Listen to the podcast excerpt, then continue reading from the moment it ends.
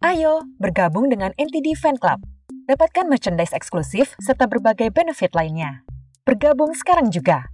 Hubungi WhatsApp 0813 8080 2513. Anda sedang mendengarkan podcast NTD Kehidupan.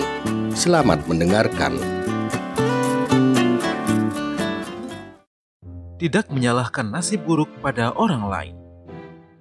Di sebuah kerajaan, hiduplah seorang pemuda yang terkenal dengan sebutan si wajah pembawa sial. Orang-orang di kerajaan tersebut juga mengatakan bahwa siapa pun yang melihat wajah pemuda itu akan mengalami kesialan selama satu hari.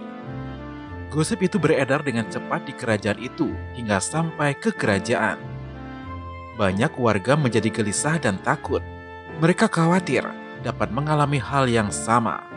Akhirnya warga mengajukan petisi kepada raja, meminta agar si pemuda berwajah pembawa sial itu segera diusir dari wilayah kerajaan tersebut.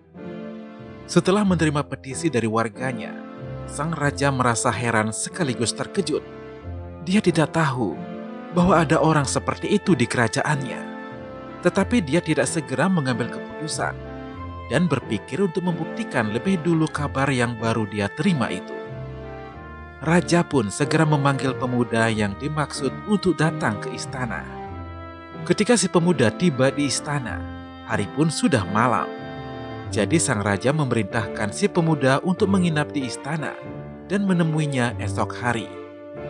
Keesokan paginya, raja pun memanggil si pemuda untuk menghadap padanya. Ketika melihat wajah si pemuda, raja menjadi bingung. Dia tidak melihat ada sesuatu apa pun yang aneh di wajah si pemuda, dan wajahnya juga tidak berbeda banyak dengan orang-orang pada umumnya. Penasaran, akhirnya raja pun bertanya padanya, Hai anak muda, orang-orang takut bertemu denganmu dan mengatakan bahwa wajahmu bisa membawa sial. Apa pendapatmu tentang kabar ini? Pemuda tersebut menjawab, Tidak, Paduka. Itu tidak benar. Hanya kebetulan saja beberapa orang itu mengalami kesialan di hari mereka bertemu saya. Seseorang bisa mengalami sial atau beruntung. Itu tergantung dosa dan pahala mereka sendiri. Tidak ada sangkut pautnya dengan wajah saya.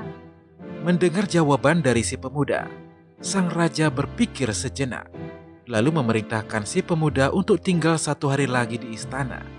Sang raja ingin membuktikan sendiri apakah benar di hari itu dia akan mendapatkan kejadian yang buruk juga, seperti yang dikatakan oleh orang-orang. Beberapa saat kemudian, raja menemui beberapa tamu yang datang ke istananya, dan karena sangat sibuk, sampai-sampai dia telat makan dan penyakit mahnya menjadi kambuh. Aduh, Kemudian raja mendapat kabar kalau bunga-bunga kesayangannya sedang bermekaran di taman kerajaan. Jadi raja ingin melihatnya. Namun, baru saja raja keluar istana, tiba-tiba hujan turun dengan derasnya.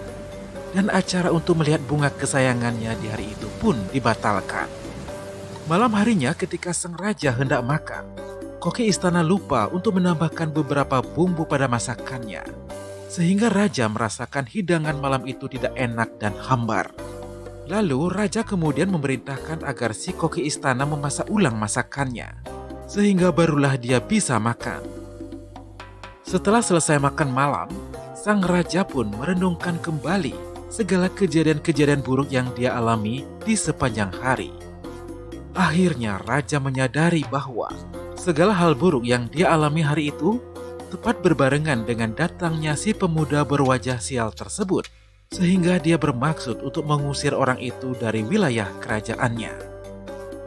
Lalu raja menyampaikan hal tersebut kepada penasihat kerajaan dan bersiap untuk memberi perintah tersebut.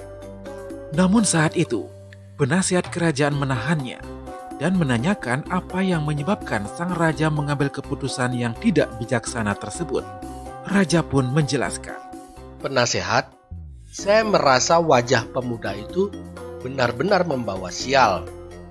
Ketahuilah, kemarin dia adalah orang pertama yang saya temui.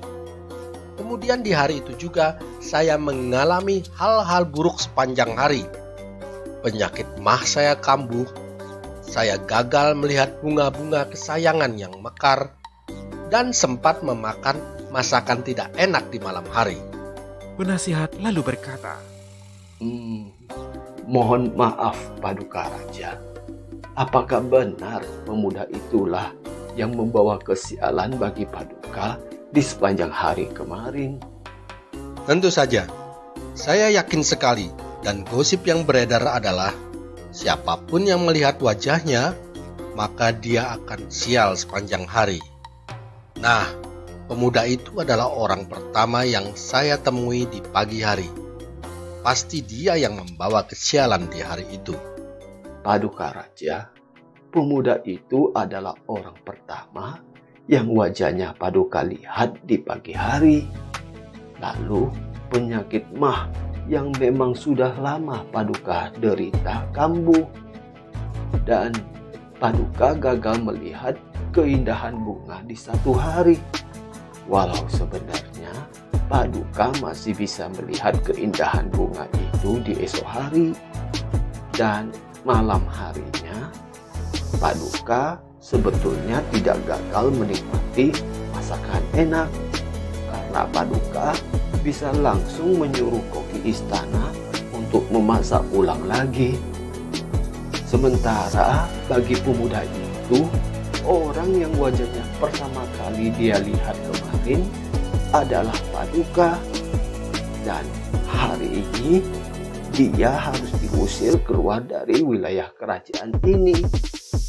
Jadi, sebenarnya siapa yang wajahnya membawa sial? Sejenak, raja menjadi tertegun mendengar penjelasan dari penasihatnya itu. Namun kemudian dia memahami maksud yang disampaikan oleh penasihatnya. Jadi kemudian raja mengurungkan niatnya dan memutuskan untuk tidak jadi mengusir pemuda tersebut dari kerajaannya. Kita tidak boleh menyalahkan nasib buruk pada orang lain, karena sesungguhnya tidak ada keberuntungan ataupun kesialan. Semuanya hanyalah buah akibat dari perbuatan baik dan perbuatan buruk kita sendiri di masa lalu.